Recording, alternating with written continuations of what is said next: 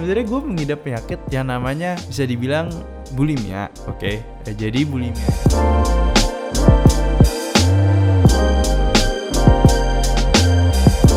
Gue baru kelarin buku itu, tapi ternyata tuh gue mengidap sebuah penyakit namanya orthorexia. Gue dulu pernah mengidap orthorexia, not now, you know.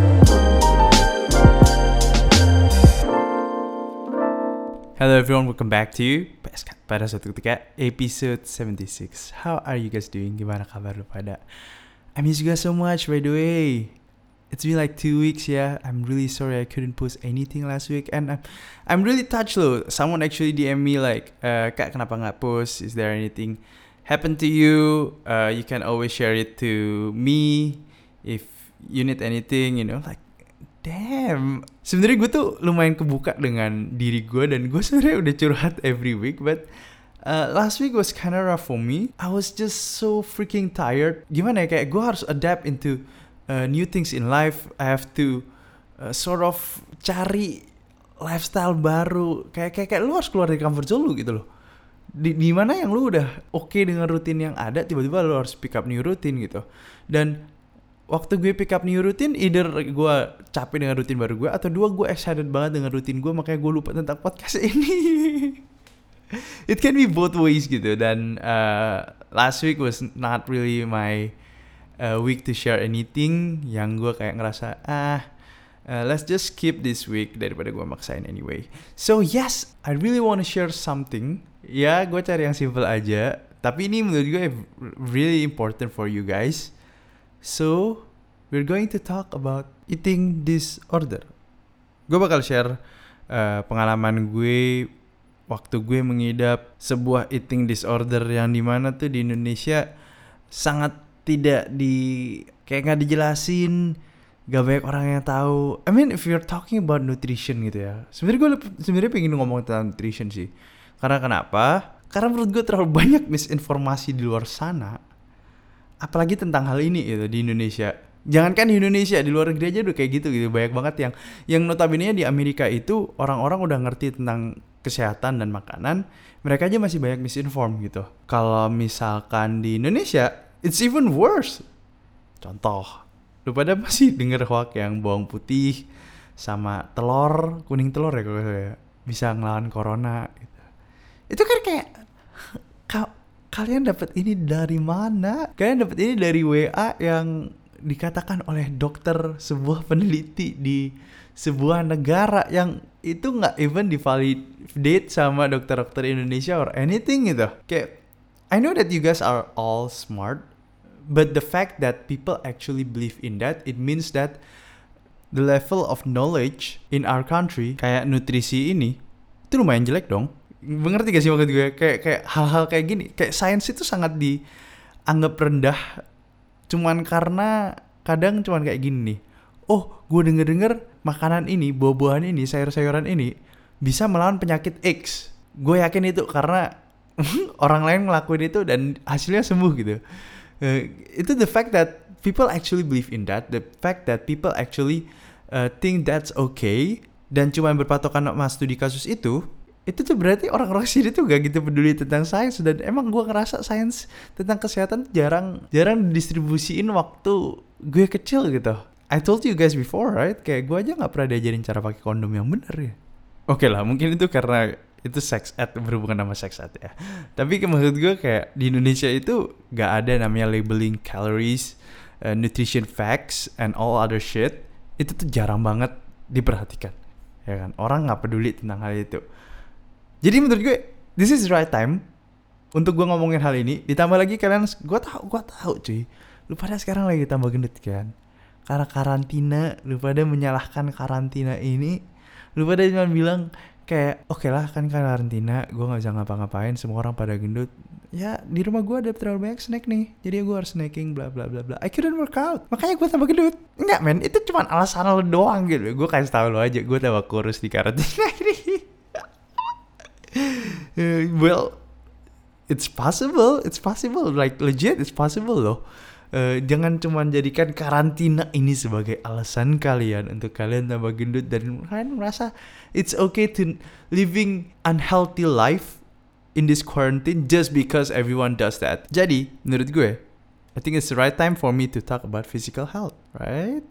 I mean, ya, gue bisa ngomong tentang mental health mulu. Sekali-kali tentang physical health, it's really important loh. Cause the thing is like, physical health and mental health tuh kayak somehow interconnected to one another. Jadi kayak menurut gue lu nggak bisa bilang, oh yang penting mental health gue doang. Tapi di lain cerita lu nggak mikirin physical health lu. Yang di mana physical health lu itu biasanya uh, kita fokusnya ada tiga hal. Recovery, which is tidur lo, istirahat lo. Uh, nutrition, which is yang lu masuk ke dalam diri lu, lu ngerokok atau enggak dan segala macam. Uh, makanan-makanan junk food and all other shitty things yang masuk ke badan lu. And then exercise, obviously lu tahu tiga hal itu. Dan kalau lu lack of these three things, ini nih bakal affect banget sama mental health lu. Lu tau gak sih kalau rata-rata orang uh, yang obesitas itu mereka depres, sama mereka punya self esteem yang sangat rendah. Uh, gue pernah ngalamin, but karena biasanya tuh orang-orang yang obes itu tuh mereka mencari kebahagiaan dari sebuah makanan.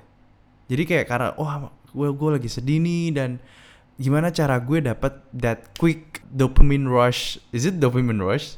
Uh, kayak sesuatu yang bisa bikin lu happy in one instant dan yang paling gampang dari makanan yang lu juga butuh gitu setiap kali lu pagi butuh satu siang lu butuh satu malam lu butuh satu. Makanya kenapa orang obes itu biasanya depresi? And self esteem rendah ya? Oh obviously you know why right?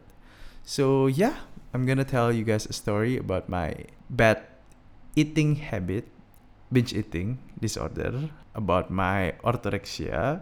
So yeah, pada suatu ketika. Man, pada suatu ketika waktu itu gue masih kecil gue masih inget sih uh, bokap gue pernah cerita ke gue tentang kalau nggak salah tuh karena gue makan terlalu lambat. Oke, okay, inget. Gue makan terlalu lambat, gue dimarahin sama bokap gue.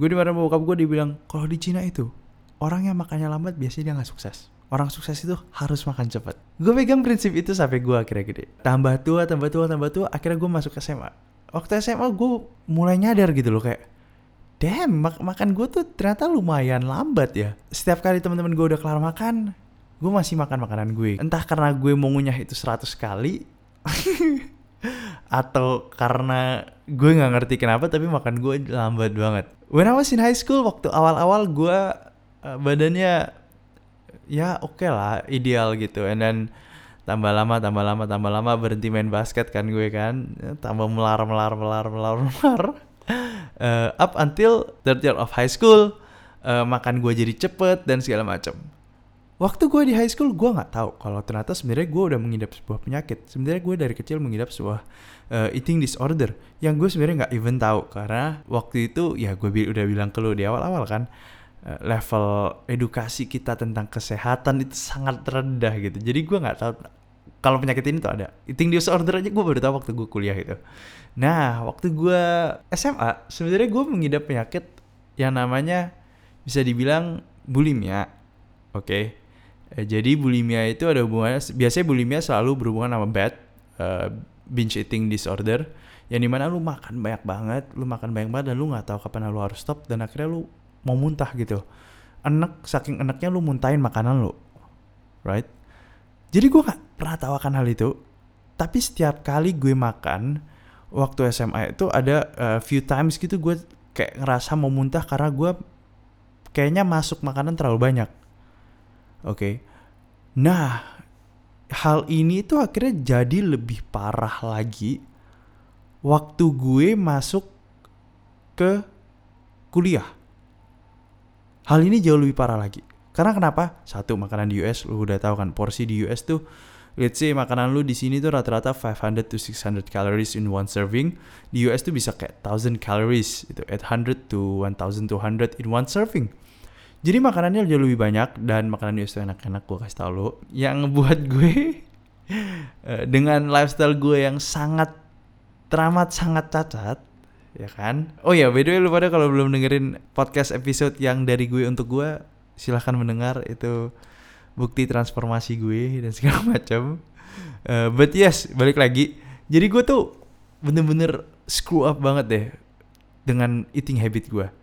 Gue gue tetap ada namanya binge eating uh, disorder ini. Jadi gue tuh orangnya kalau misalkan udah makan, gue bakal makan terus dan yang lebih parahnya lagi waktu gue kuliah gue makan jadi cepet ya kan karena karena gue dari kecil pegang kalau makan lu harus cepet lu harus cepet harus cepet jadi gue biasain makan cepet nah jadi gue waktu makan sampai full gue biasanya sampai uh, terakhir-terakhir itu biasanya gue udah mau muntah. Jadi waktu gue keluar dari restoran gue biasanya kayak ada kayak gitu kayak kayak semacam gue biasanya ngejauh dari teman-teman gue gitu ya. Gue di belakang terus gue kayak gitu. Nah nggak nggak nggak pernah muntah. Biasanya itu kayak cuman rada hampir keluar or even keluar sampai tenggorokan terus balik lagi gitu.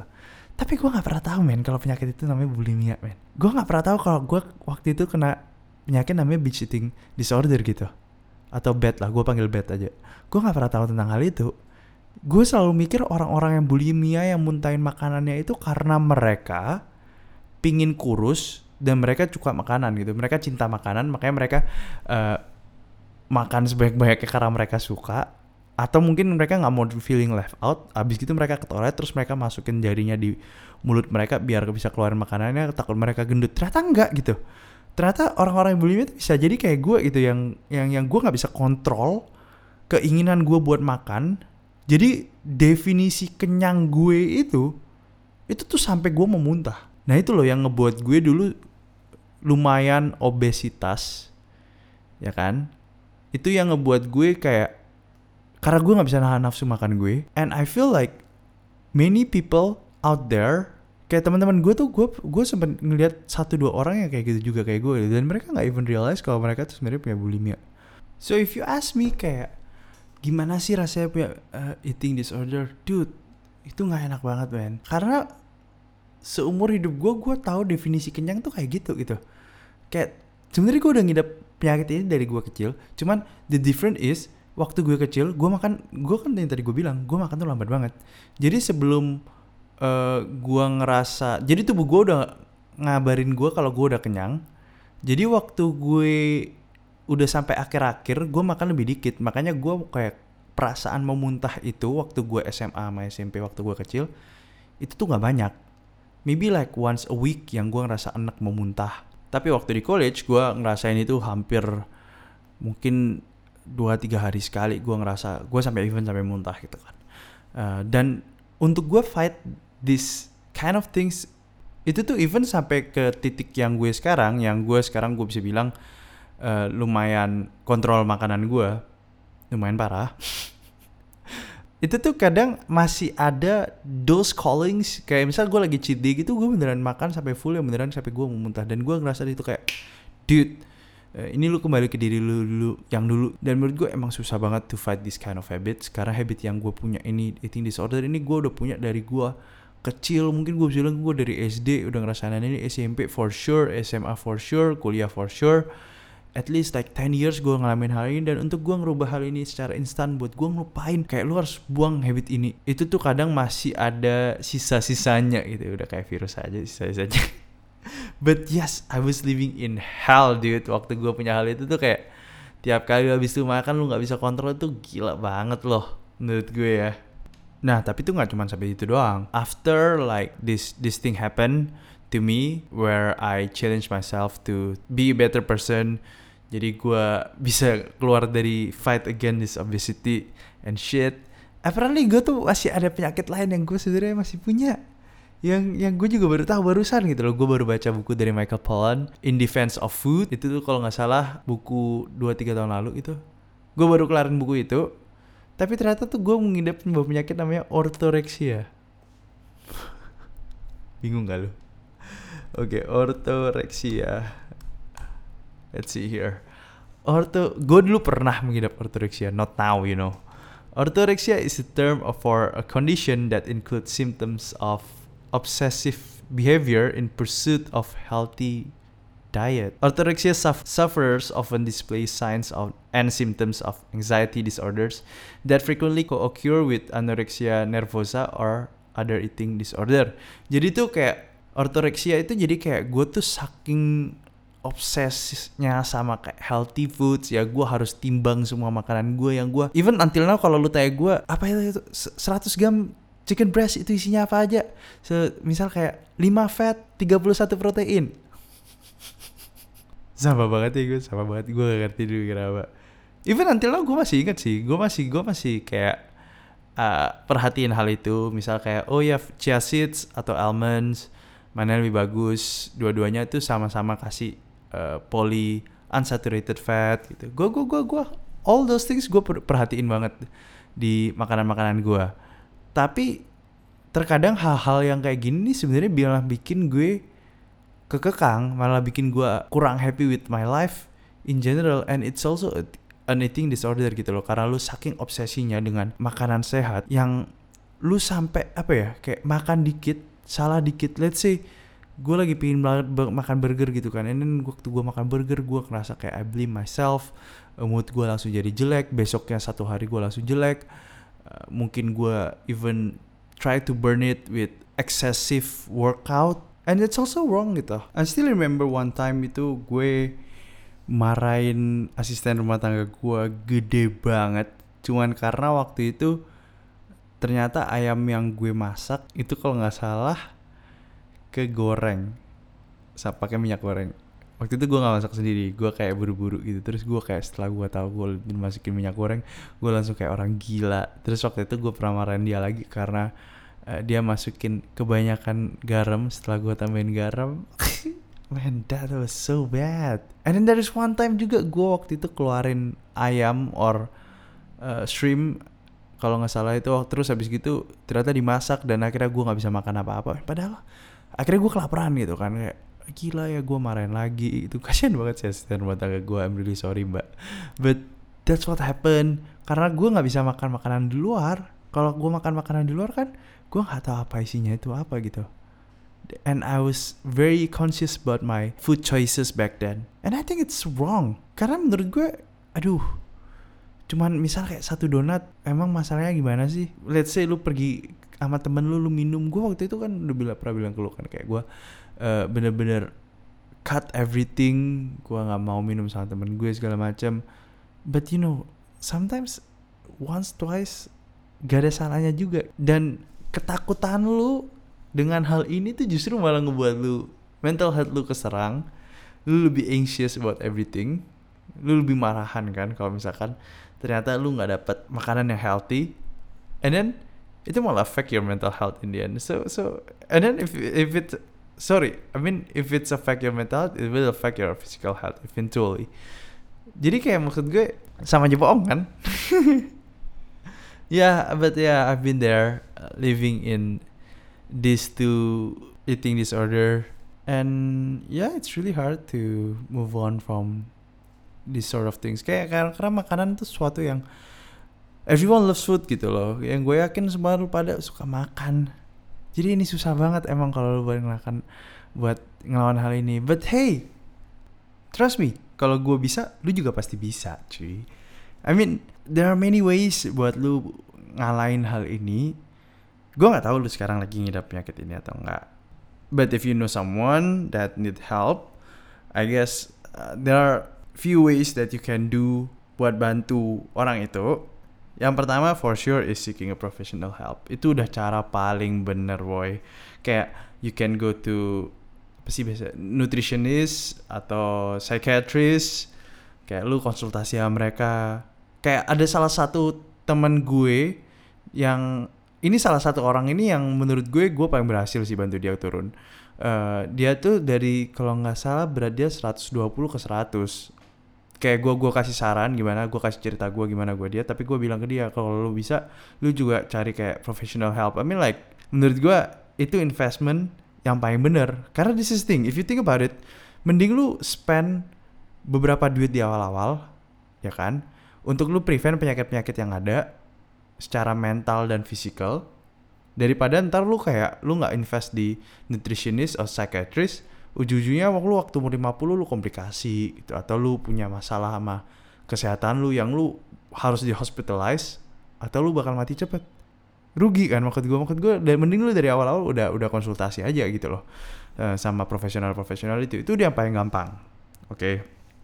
Yang kedua nih gue kasih dulu gue kasih tahu dulu nih datanya tuh kalau misalkan buat cewek sama cowok itu tuh beda. Kayak misal nih kalau cowok tuh mereka biasanya lebih rentan untuk ngalamin depresi waktu mereka punya eating disorder karena mereka biasanya nggak cari tahu kalau misalkan karena mereka nggak aware kalau mereka tuh punya penyakit yang eating disorder ini. Gue aja kayak gue kasih tau lu gitu loh. Hah eating disorder itu kan kayak buat cewek yang ini ini gue jujur aja ini gua, yang selalu ada di pikiran gue dulu adalah ini dibuat cewek yang susah makan or cewek yang stres makanya kebanyakan Oke, okay. tapi apparently cowok juga bisa. Tapi dan cowok itu juga jauh lebih bahaya karena mereka kan kan yang tadi gue bilang nggak aware, sama mereka tuh nggak bisa biasanya nggak mau konsultasi sama uh, profesional. Jadi makanya depresinya lebih parah ke cewek. Eh sorry ke cowok. And then di cewek sama cowok ini juga beda lagi. Kalau cowok itu lebih banyak yang bulimia, yang lebih ke arah binge eating disorder, terus bulimia. Terus kalau misalkan cewek, uh, bulimia juga ada karena mereka takut gendut. Tapi biasanya dibarengin sama ada juga kalau cewek itu anoreksik biasanya cowok nggak. Angkanya tuh kebalik. Daripada bisa cek itu sendiri datanya gimana nah sekarang mata masuk nih ke tips-tips yang uh, gue punya. Oke okay, uh, eh, buat anoreksia nih ya. Dari pengalaman gue yang ortoreksia ya biasanya berhubungan ya. Cuma beda kalau anoreksia tuh kayak simptomnya gak mau berat badannya tuh gede gitu. Biasanya mereka maunya berat badannya tuh below normal weight kalau menurut gue ini menurut gue yang gue udah lepas gitu kan ya.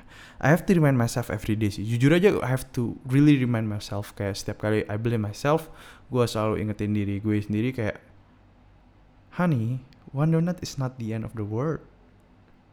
Kayak ngerti gak sih? Kayak kayak ya udah lah ya kayak apa artinya sih this this one donut and one slice of pizza? Gue selalu remind gue diri gue selalu kayak gitu sih. Jadi dengan cara kayak gitu gue selalu bisa keep my healthy lifestyle ditambah dengan gue nggak ngeblame diri gue setiap kali gue ya sekali dua kali that's that's totally fine. But you know your limit you know. You know as a healthy person what would you do? Gue selalu mikir hal itu. But let's say you fuck up ya udah gitu loh mau it's not the end of the world. And let me tell you something.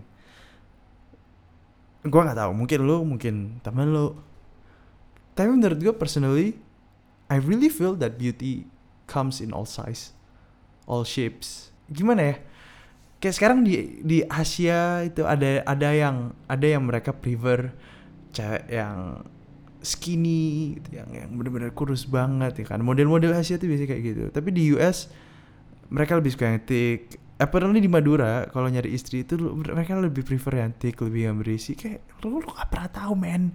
Lu tuh nggak bisa kayak gimana ya sis maksud gue? Karena anoreksia lebih banyak ke cewek. Jadi kayak sis lu nggak bisa ngeblame diri lu karena lu. Berat lu berlebihan atau kayak even mungkin berat lu sekarang tuh normal.